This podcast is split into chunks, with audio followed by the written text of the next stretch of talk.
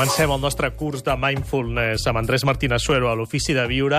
Què tal, Andrés? Ben retrobat. Encantau, Bé, Gaspar. estem començant avui, però recordem que ja tenim set seccions, set espais d'aquest curs que són totalment intemporals i que podeu recuperar a l'Ofici de Viure a catradio.cat a internet, si és que pel vostre compte voleu anar posant en pràctica aquestes eines útils per viure l'aquí i l'ara, no? que és, de fet, del que tracta el mindfulness, no? aquesta consciència del moment present.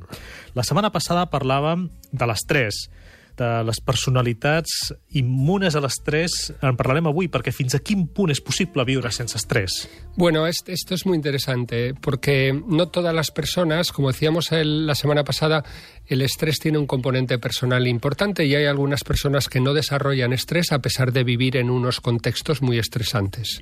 Y hay tres características de la personalidad que de alguna forma nos protegen. Antes pensábamos que la personalidad venía determinada genéticamente, pero ahora sabemos que el cerebro es plástico y nuestra personalidad puede cambiar. Y uno de los efectos que tiene mindfulness es que nos permite ir cambiando los rasgos de personalidad poco a poco. Bé, ens ho deia fa unes setmanes el doctor Jou Dispenza aquí a l'Ofici de Viure, deia, efectivament, no estem determinats pels nostres gens, entre altres coses, perquè podem activar diferents gens que no hem activat fins ara. Exactamente.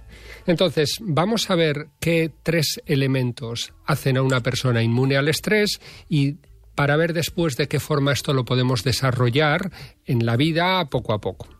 El primer elemento tiene que ver con el grado de compromiso con el que vive una persona. ¿vale? El grado de compromiso tiene que ver con el sentido que uno encuentra a la vida que está viviendo. Hasta qué punto uno está contento y a gusto con la vida que vive.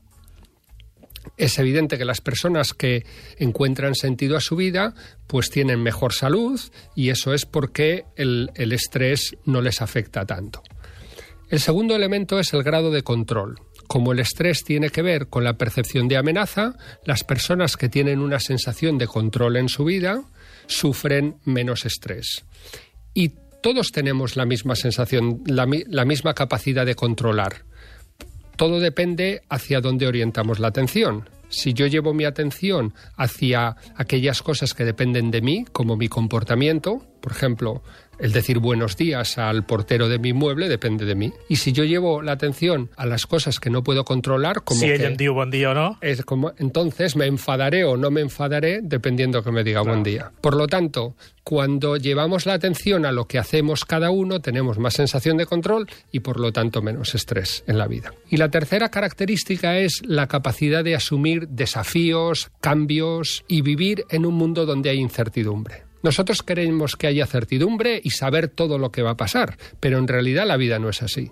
Entonces, aceptar que en la vida hay cambios y que hay incertidumbre y poder explorar en los cambios las oportunidades que se nos plantean. Eso es otro gran protector del estrés. recordo un estudi on eh, deien que si tens molts caps per sobre, molts jefes, Sí. Eh, tens més eh, possibilitats de tenir estrès. Sí, probablemente porque tienes más demandas y más amenazas. Pero por otro lado, con estos componentes de la personalidad, si una persona tiene varios jefes, también tendría varias posibilidades de desarrollar una buena relación con uno de ellos y centrarse más en uno y no tanto en los otros, y entonces podría vivir en esa situación.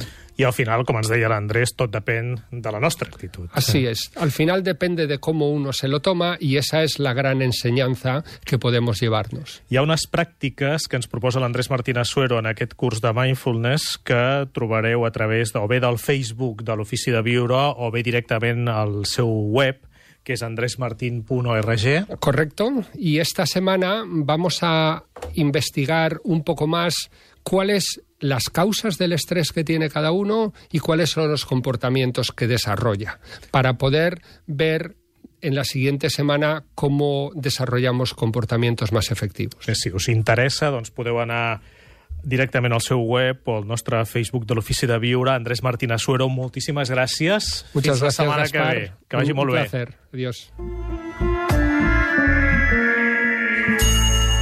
L'Ofici de Viure. Un programa sobre conducta humana.